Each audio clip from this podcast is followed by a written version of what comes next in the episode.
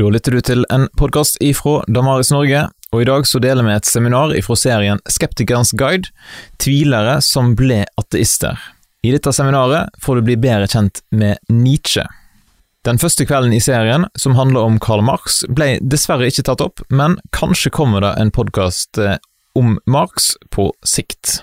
Og I podkastbeskrivelsen finner du ei lenke til ei eh, nettside der du kan lese mer om denne serien her. Her er dagens seminar. Dagens mann i serien Skeptikerens guide om tvilere som ble ateister. Sist gang snakket vi om eh, Karl Marx. Og Karl Marx og Friedrich Nietzsche er to skikkelser som har veldig mye felles, og som samtidig er veldig forskjellige. Begge er to av de aller mest innflytelsesrike tenkerne på 1800-tallet, og kanskje enda mer på 1900-tallet. Mens Forskjellen er at, at, uh, at Marx sto for vitenskap og fornuft. Og mente å ha funnet nøkkelen til å forstå hvordan historien utviklet seg fornuftig gjennom, ja, gjennom tiden. Nietzsche han var ikke så opptatt av fornuften, men av lidenskapen. Mens Marx var opptatt av kollektiv og fellesskap, var Nietzsche enormt opptatt av enkeltmennesket og individet. Marx var veldig opptatt av massene, mens Nietzsche var veldig skeptisk til horden. Han trodde på individet, på geniet som vil løfte seg opp over horden. Begge to var tyskere, men brukte sin, sin produksjonstid i utlandet.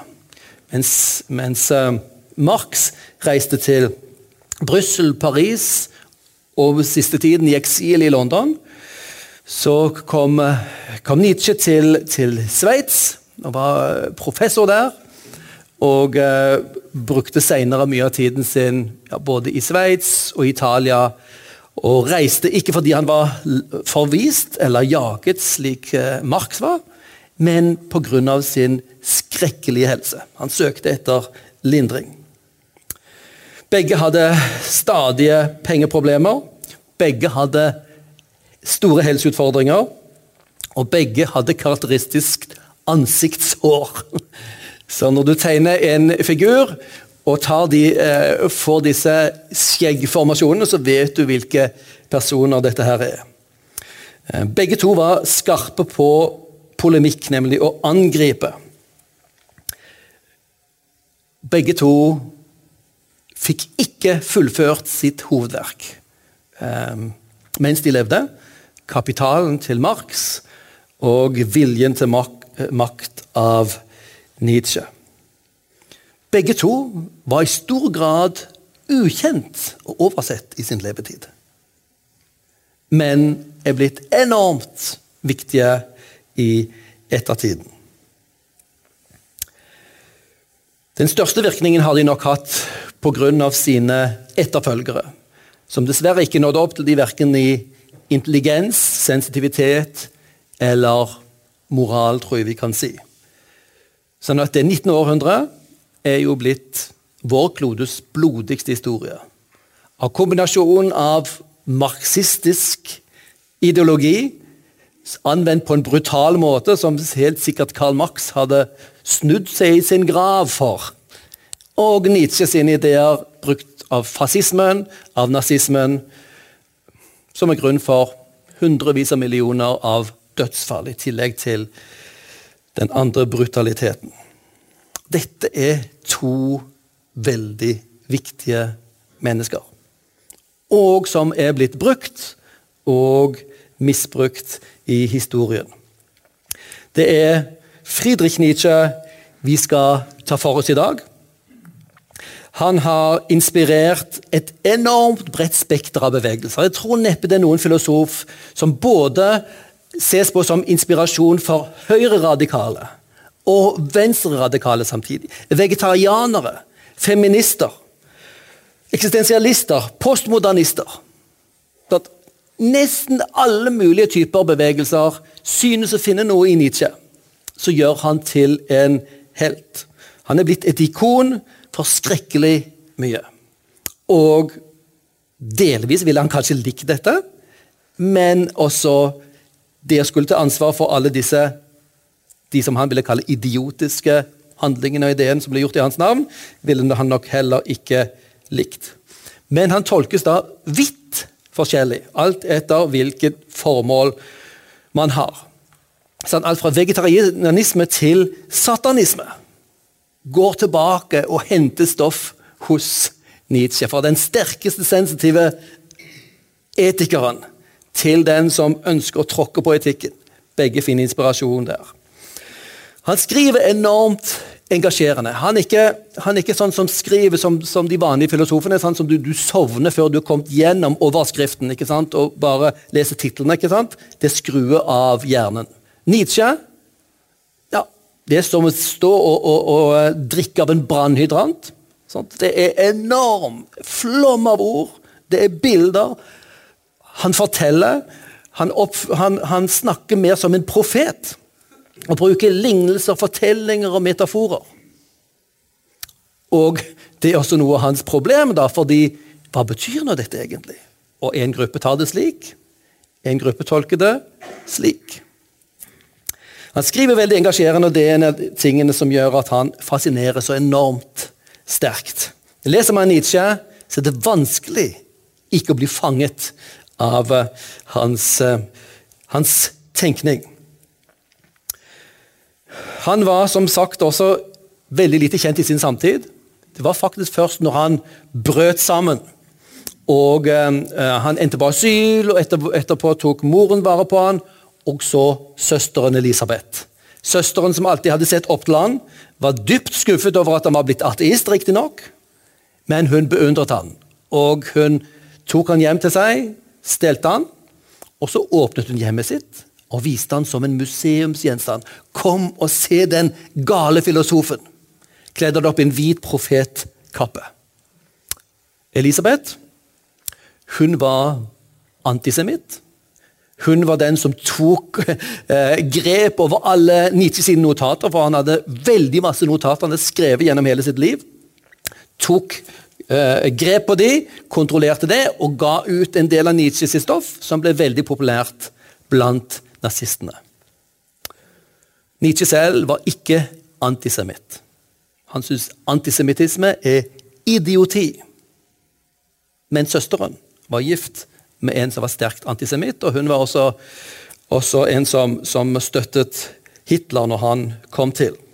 Og Dette har svertet Nietzsche, eh, som har gjort han til, til noe som en, slags untouchable i filosofien, fram til en stor uh, moderne tenker som heter Kaufmann. Uh, tok og, og, forklarte hvordan eh, det er søsteren som misbrukte Nietzsche. Og nazismens lesning er ikke riktig. Han kalles ofte den første virkelige ateist.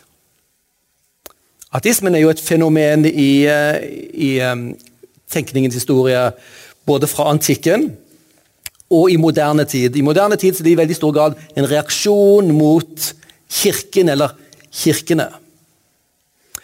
Uh, og, og, veldig mange tenkte hvis du bare blir kvitt denne kirka, prestene, så kan vi endelig gå videre. Tenk på den franske revolusjonen.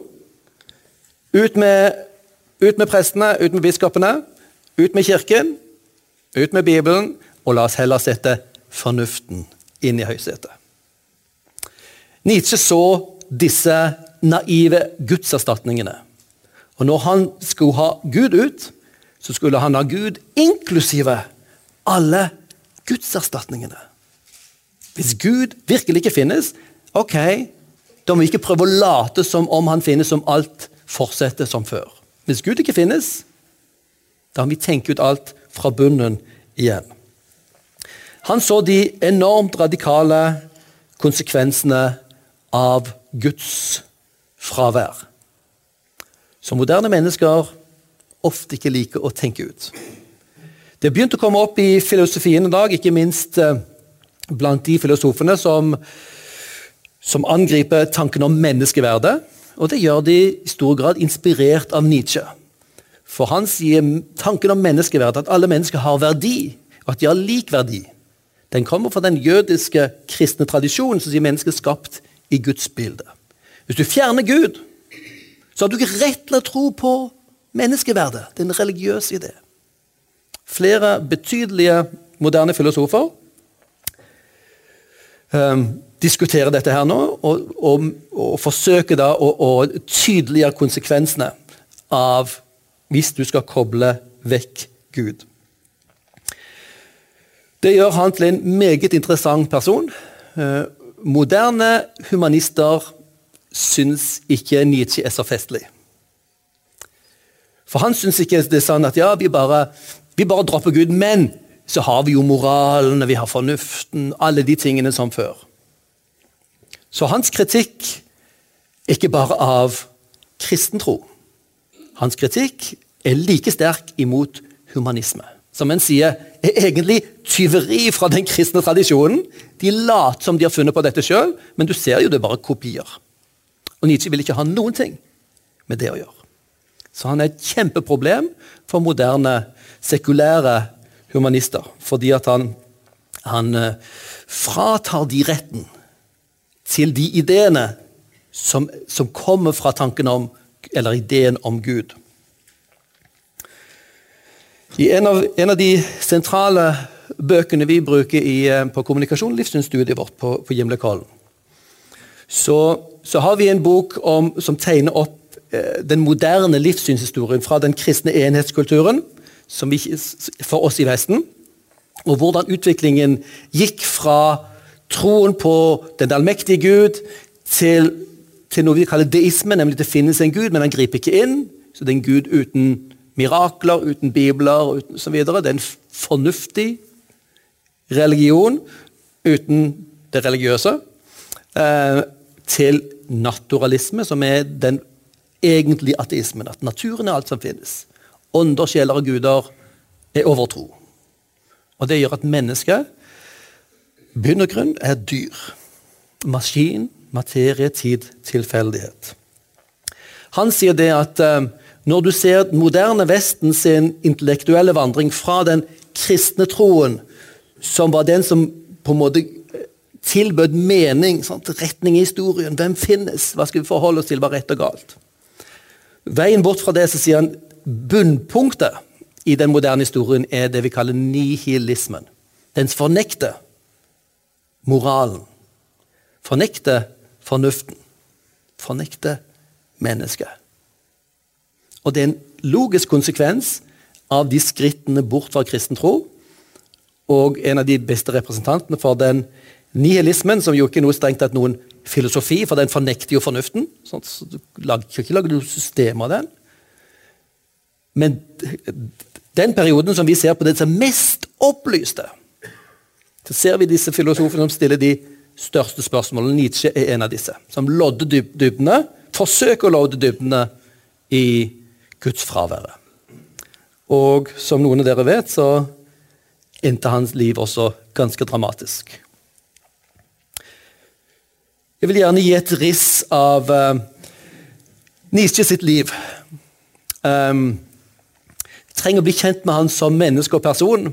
Uh, og Gjennom min forberedelse til dette så har jeg lest noen biografier som, som virkelig, virkelig gir sympati, sånn, empati for denne personen. Fantastisk spennende møte.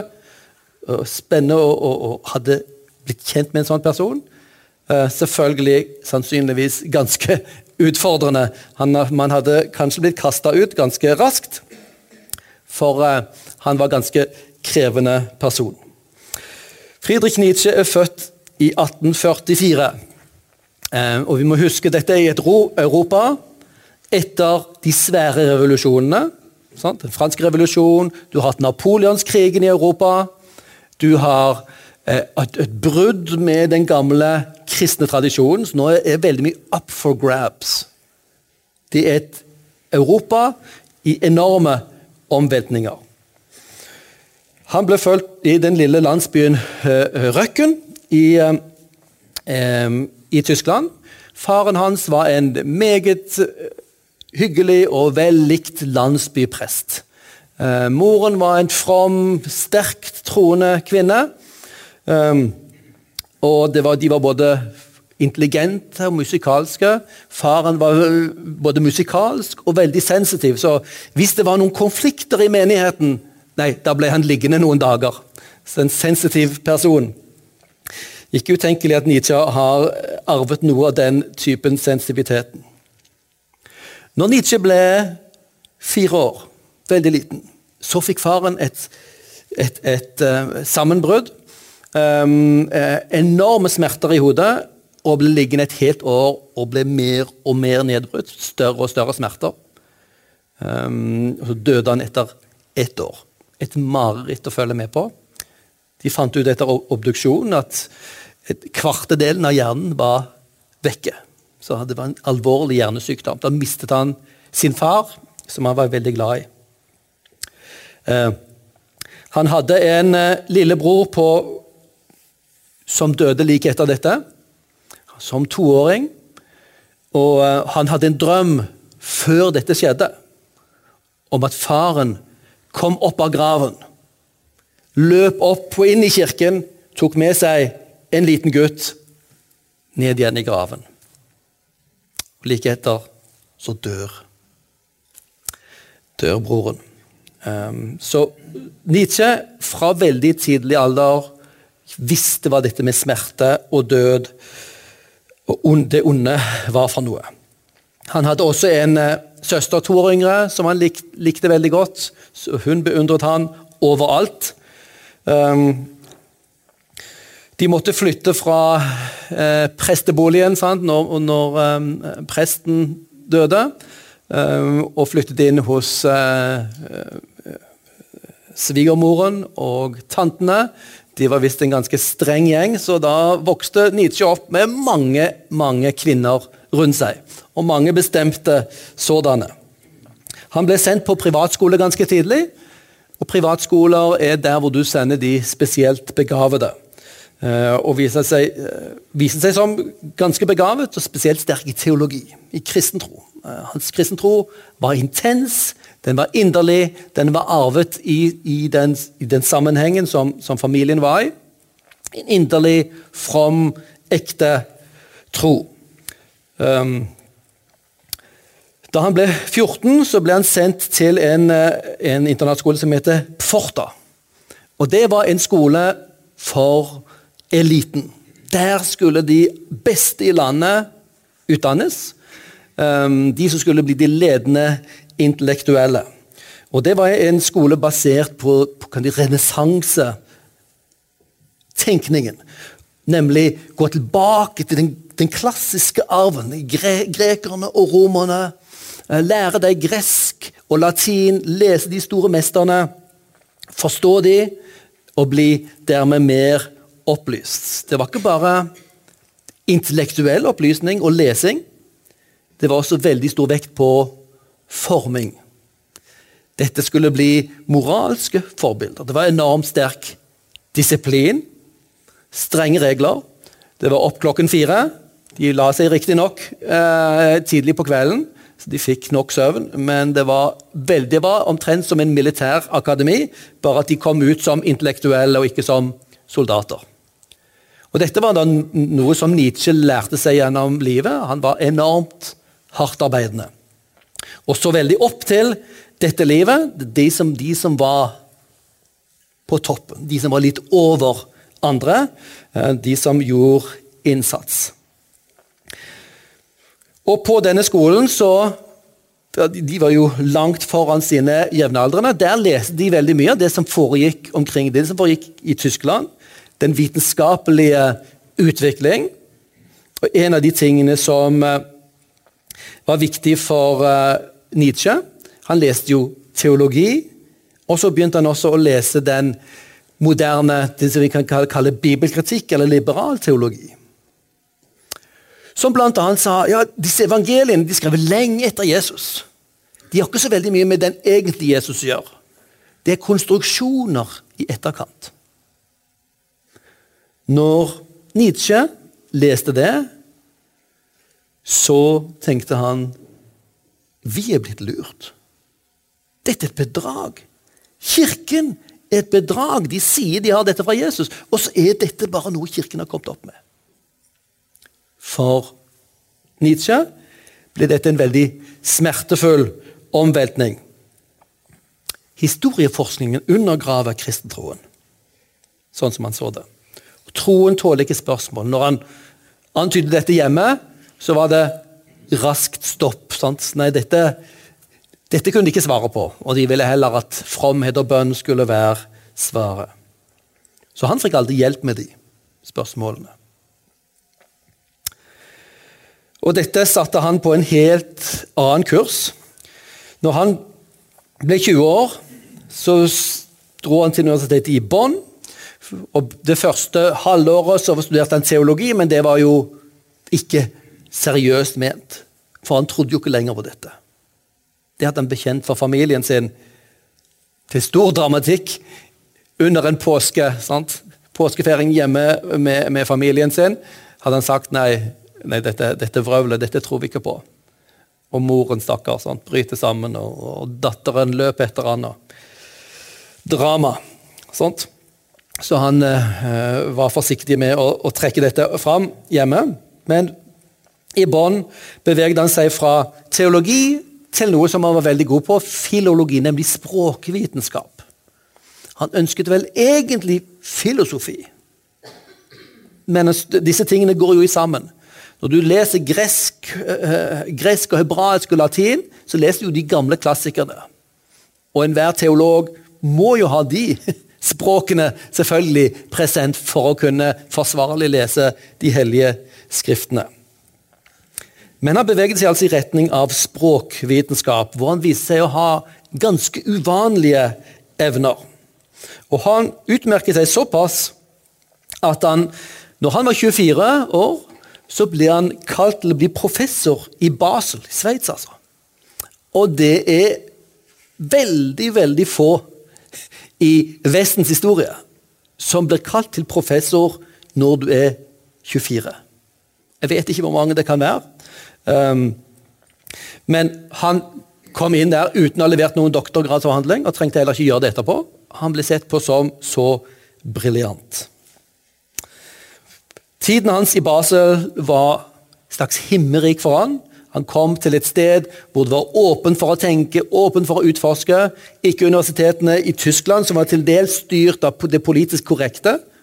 Dere husker hvordan Karl Marx måtte flykte fra sitt eget land fordi at universitetene er selvfølgelig kontrollert av staten.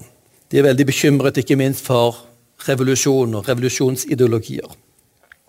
Han var professor i Basel, og der kom han over veldig veldig viktige tenkere som var en åpenbaring for ham.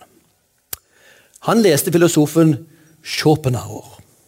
Schopenhauer, dere hører det, dette er tungt. Schopenhauer er depressivitetens filosof. Han mener livet er lidelse. Livet er bare lidelse. Glede det er kun fravær av lidelse i små øyeblikk, før du ramler ned igjen i skuffelsen. Livet er lidelse. Han var faktisk inspirert av buddhismen. Dere vet, Buddhismen sier faktisk noe av dette her samme.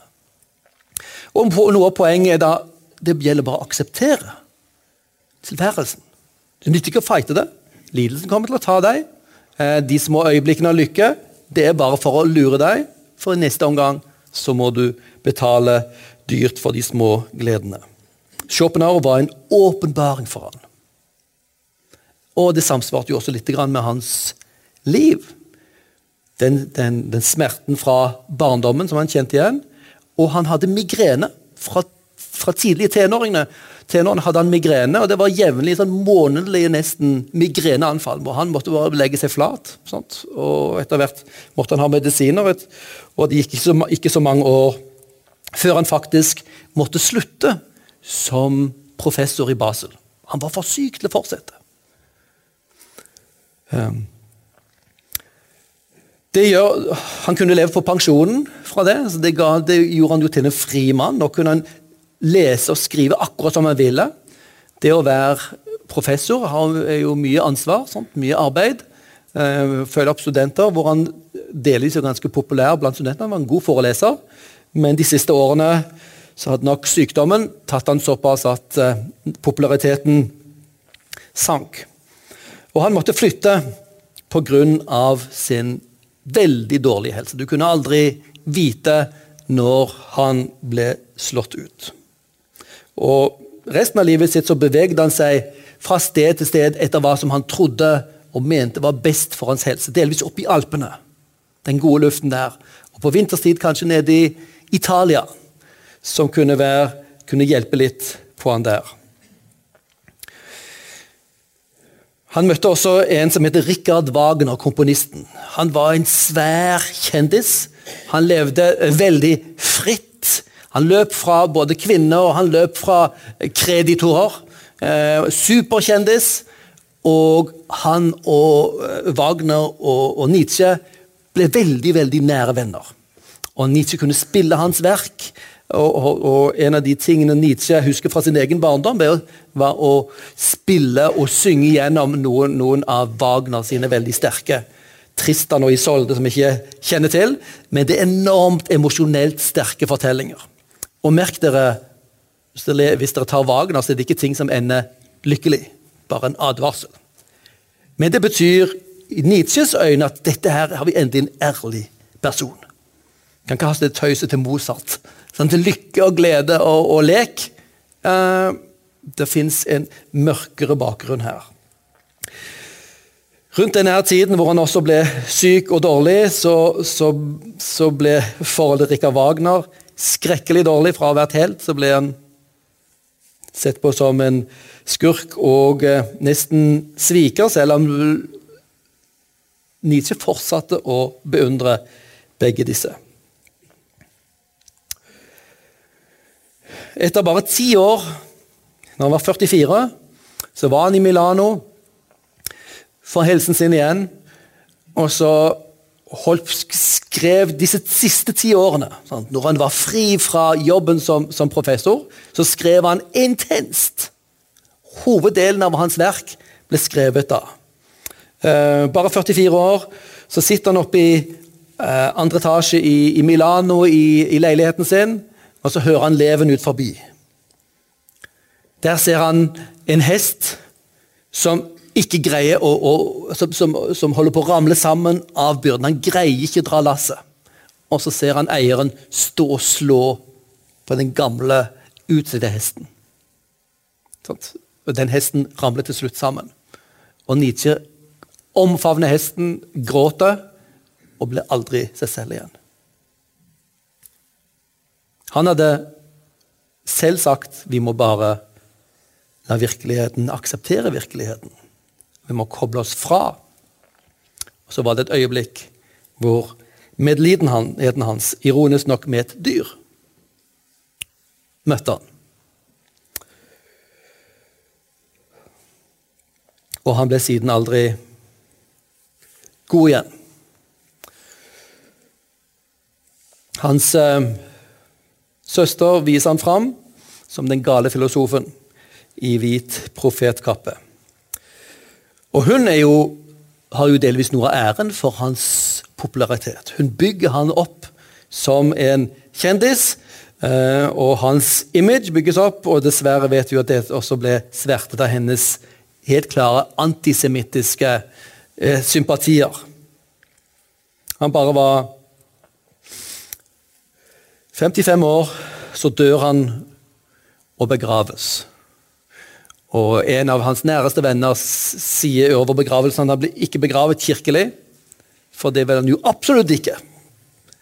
Men en av, en av de utbrytere måtte ditt hellige navn leve til evig tid.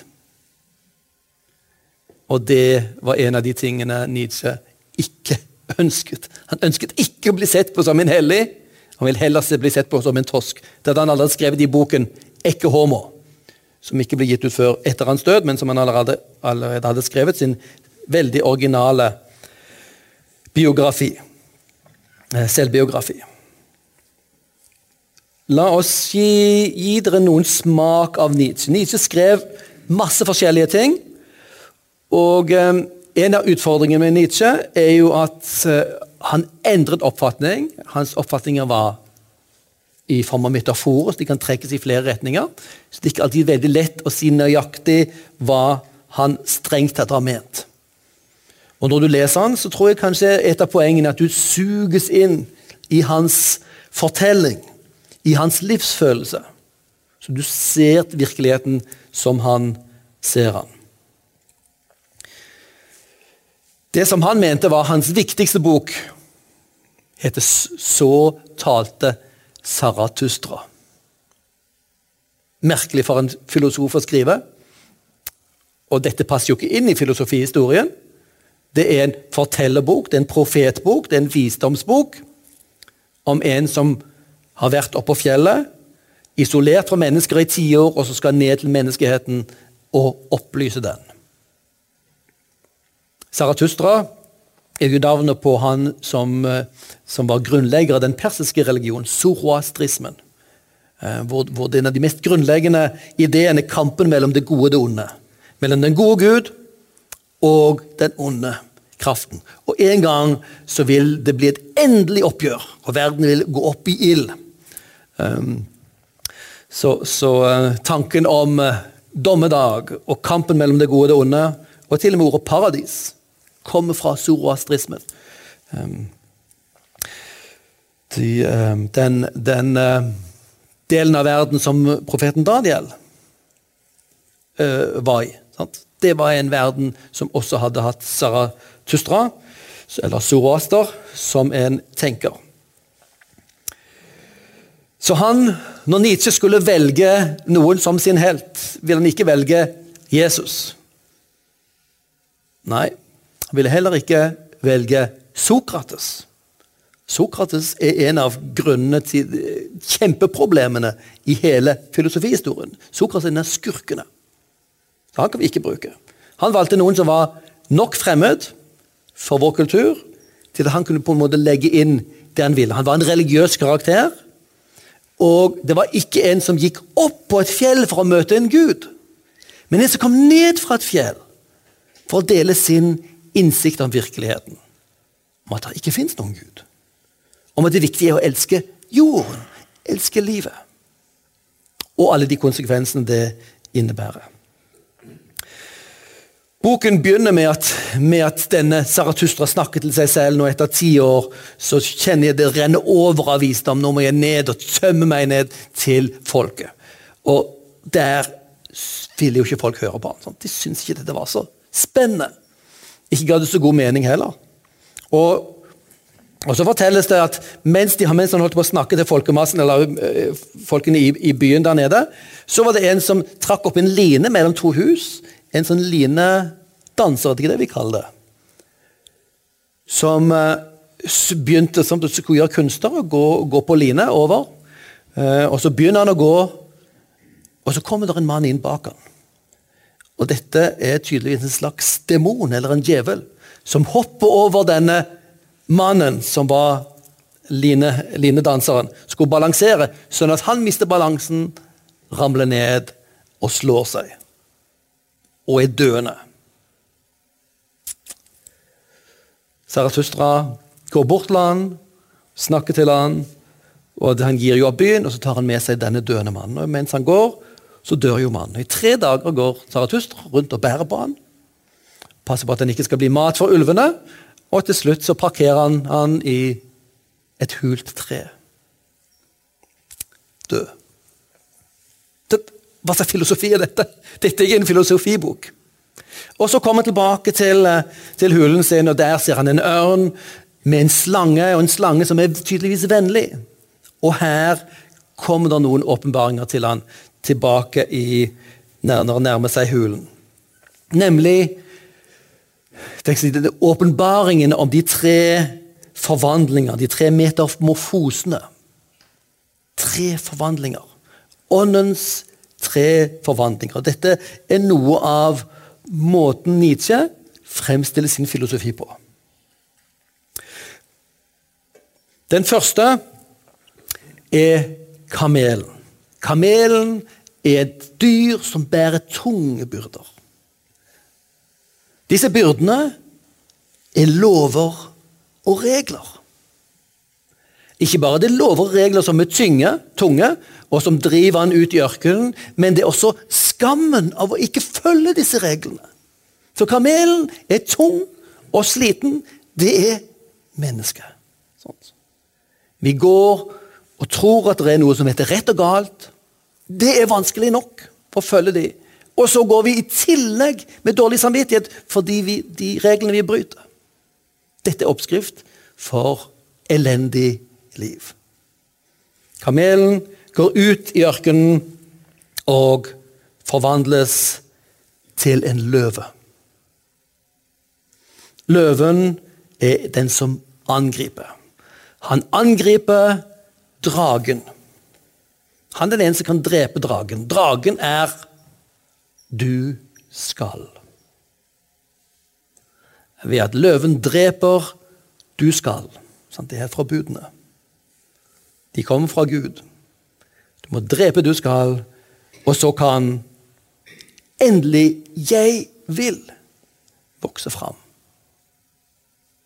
Men løven, han kan ikke skape det nye. Han kan bare drepe det gamle.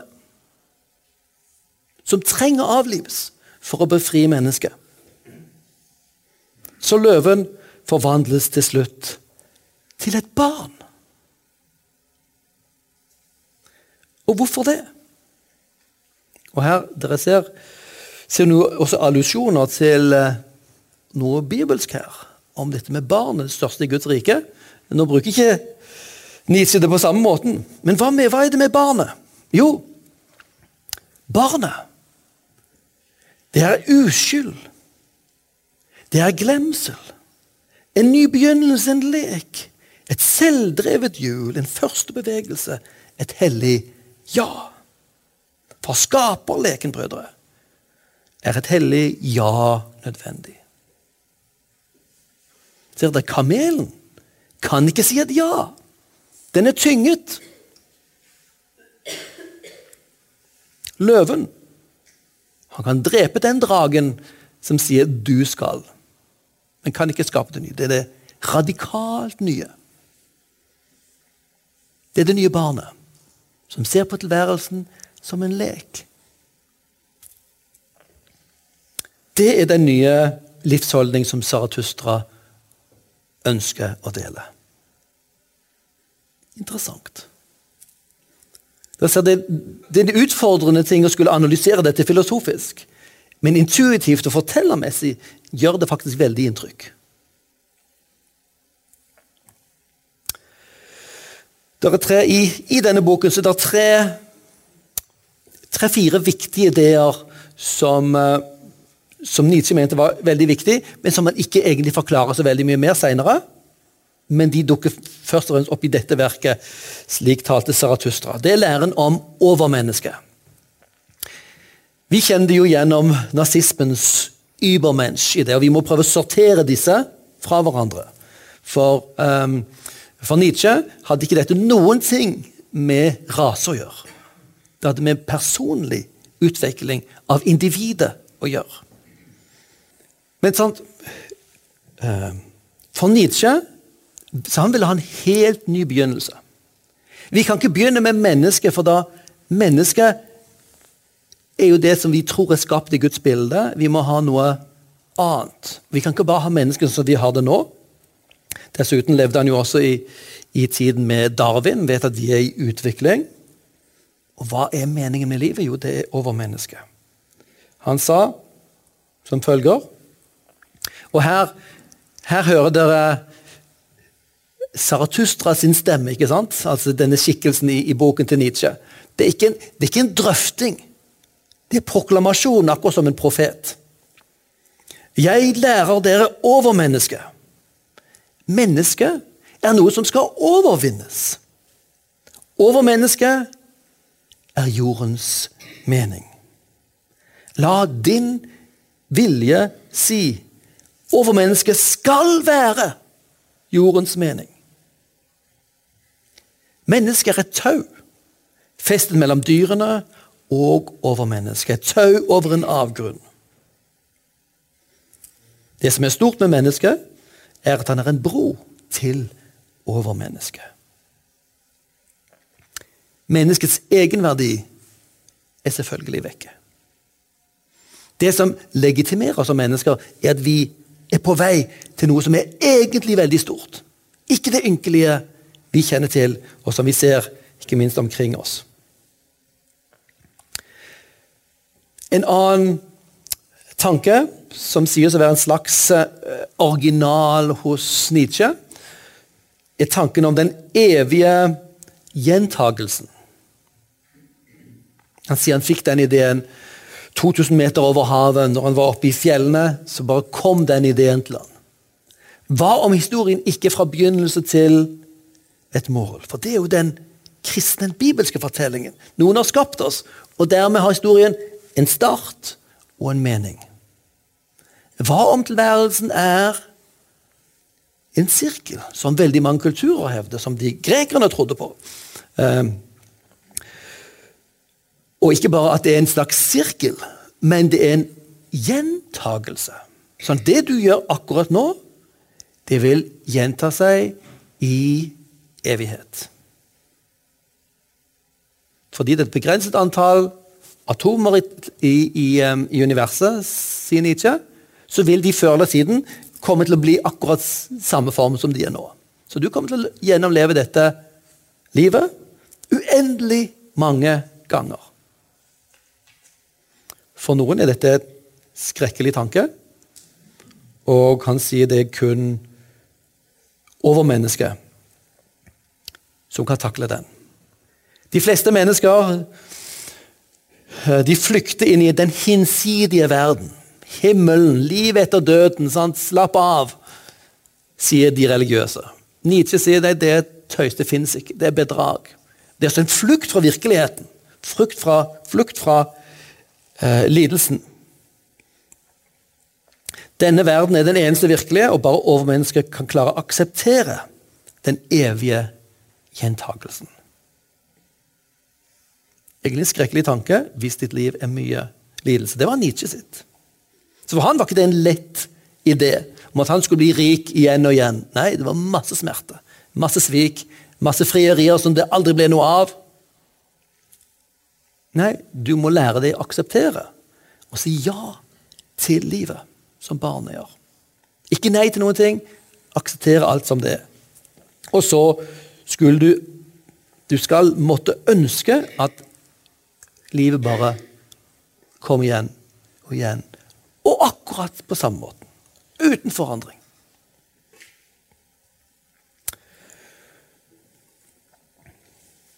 Knyttet til dette er også hans uttrykk 'amor fati', latinsk, som betyr 'elsk din skjebne'.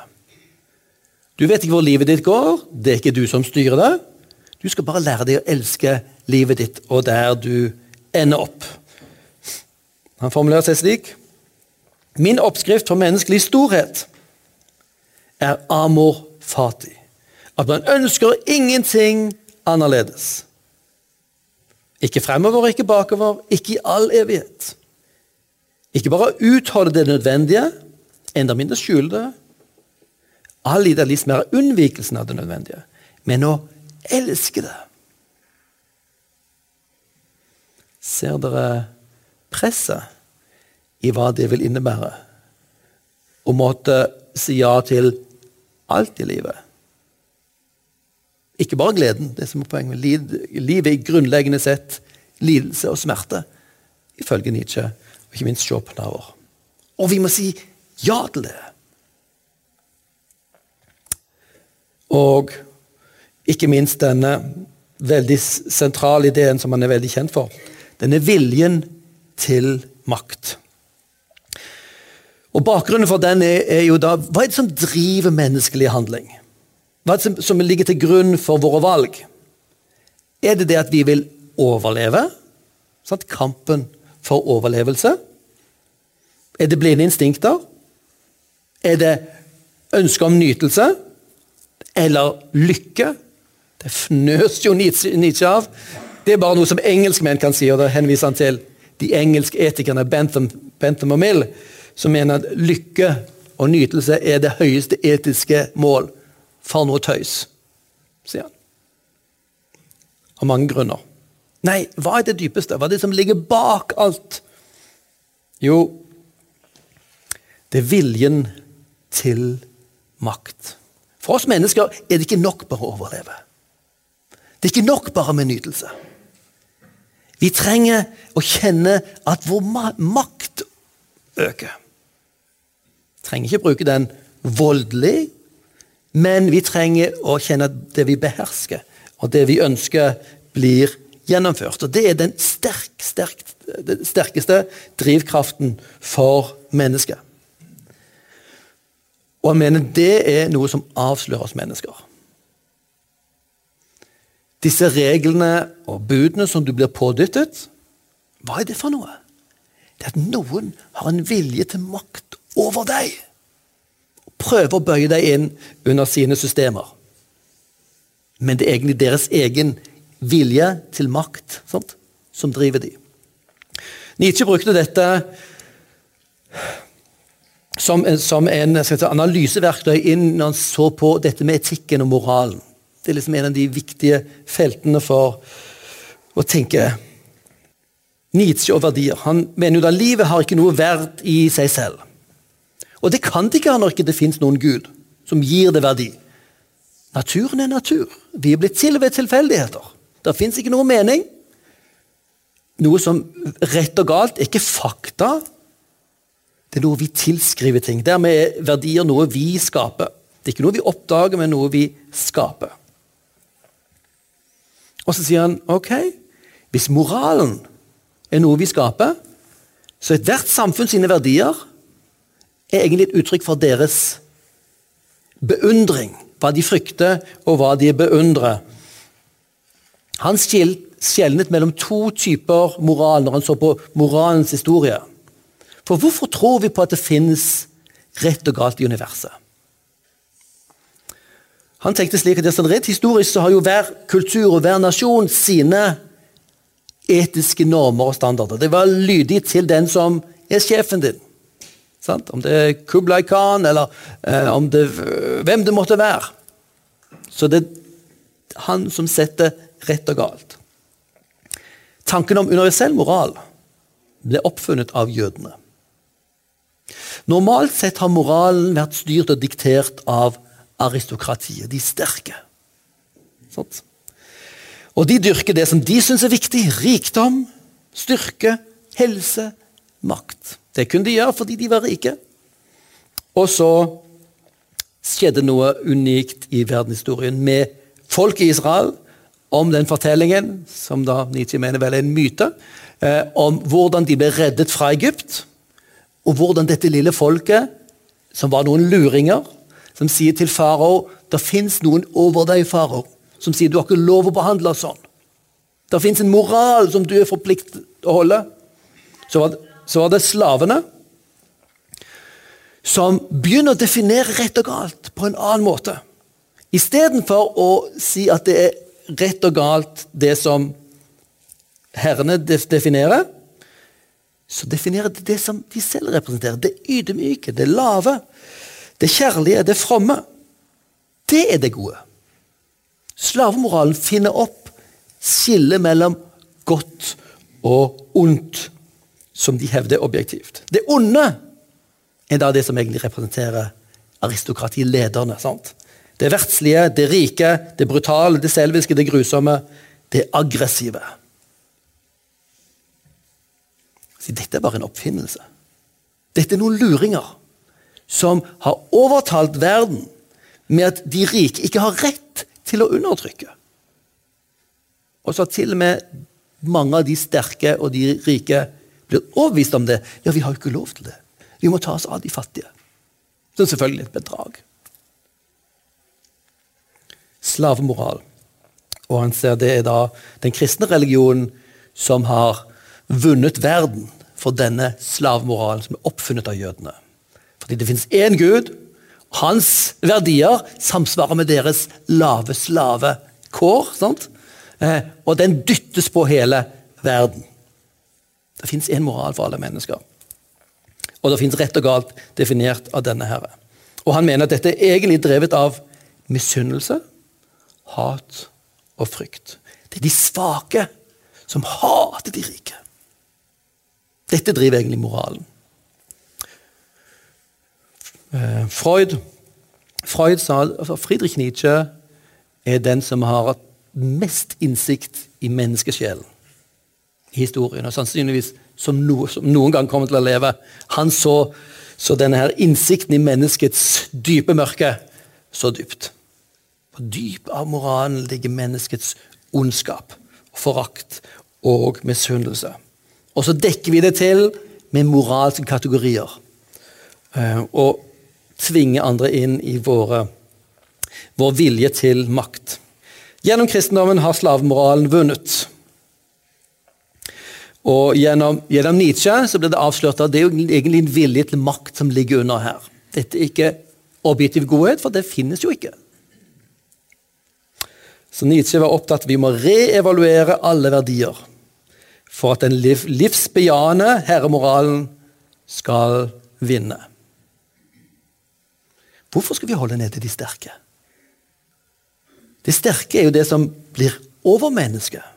Det svake kommer til å dø, og vi skal hjelpe det til å dø.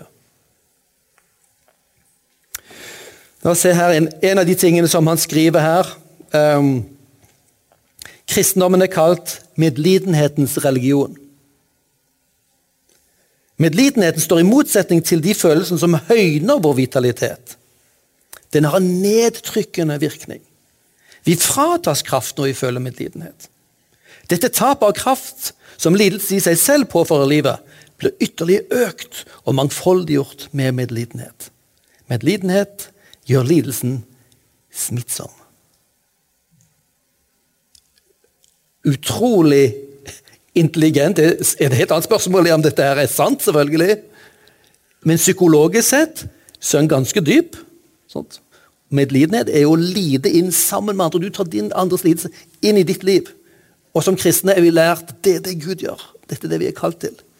Eh, å lide med noen og være med å bære den. Litt grann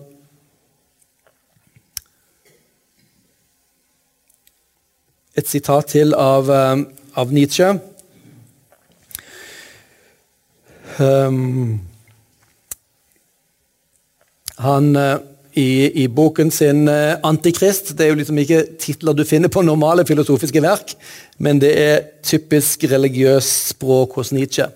Um, når han skal omdefinere godt og ondt, da må du alltid ha gåseøyne. For hvem definerer dette? Så, så sier han dette veldig tidlig i den boken. Hva er godt? Alt som hever følelsen av makt. Sant? Viljen til makt. Det er det som ligger til bunn. Viljen til makt, selve makten i mennesket. Hva er ondt? Alt som utgår fra svakhet. Hva er lykke? Følelsen av at makten øker, og at en motstand overvinnes. Ikke tilfredshet, men mer makt. Ikke fred i det hele tatt, men kamp. Ikke dyd, men dyktighet. Dyd i renessansestil virtu. Dyd fri fra den moralske syre. De svake og veike skal gå under.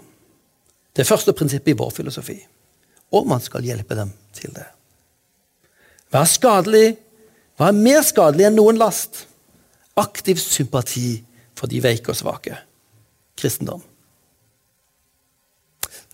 Dette er enormt radikalt. Sant? Hvor mange vil våge å si noe sånt? Men det kommer fra hans enorme reevaluering av all moral. Sånt. Hvem har sagt at det med medlidenhet sånt, og omsorg for de svake er bra?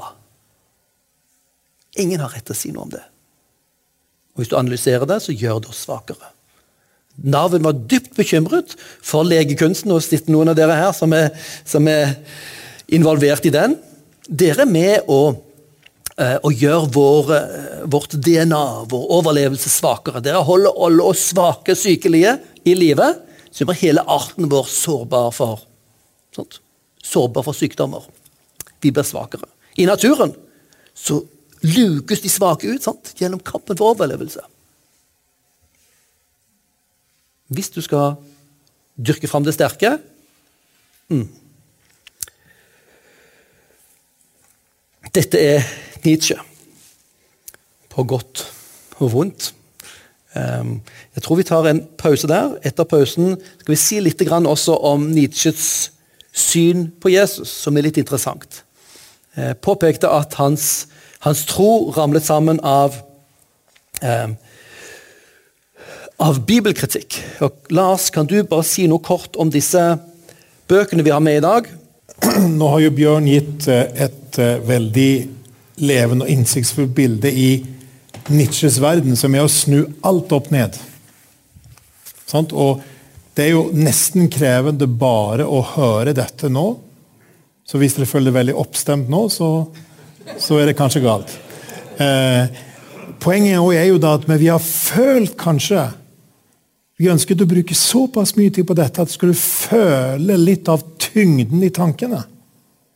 Vi må ikke bli for fort ferdig med det. ikke sant? Vi må ta på alvor den livsfølelsen som ligger i dette, og som har preget vår tid utrolig sterkt. Så, men, Men skal si litt om bøkene, altså, men eh, ikke mist håpet. Det kommer en del to også. Um, men det er noe av det tankevekkende. altså, Hvorfor snudde han perspektivet? Totalt. sant? Hvorfor er alt snudd opp ned hos han? Fordi han mistet troen på at evangeliene var å stole på. Og Derfor har vi i kveld tatt med oss noen bøker som taler om det. Sant? Om evangelienes troverdighet. Fordi det er så utrolig viktig at vi tar det spørsmålet på alvor. Fordi mennesker i dag også møter den utfordringen. Og Dere kan selv se bøkene. er ute. Den nyeste her i 'Kan vi stole på evangeliene?' Eh, av Peter J. Williams, som jobber i Cambridge. En av de dyktigste eh, bibelforskerne i dag blant de evangelikale eh, bibeltroforskere. Eh, veldig dyktig. Og to bøker av Stefan Gustavsson om Skeptikens guide og ikke minst denne boka her, som kan gis til folk som tviler eller tror, eller midt imellom, eller ikke helt vet. En tvilers guide til Bibelen. Så vi ville bare fokusere på akkurat det spørsmålet, fordi det snudde livet hans ikke sant? Eh, til å bli et opp-ned-perspektiv på mange måter.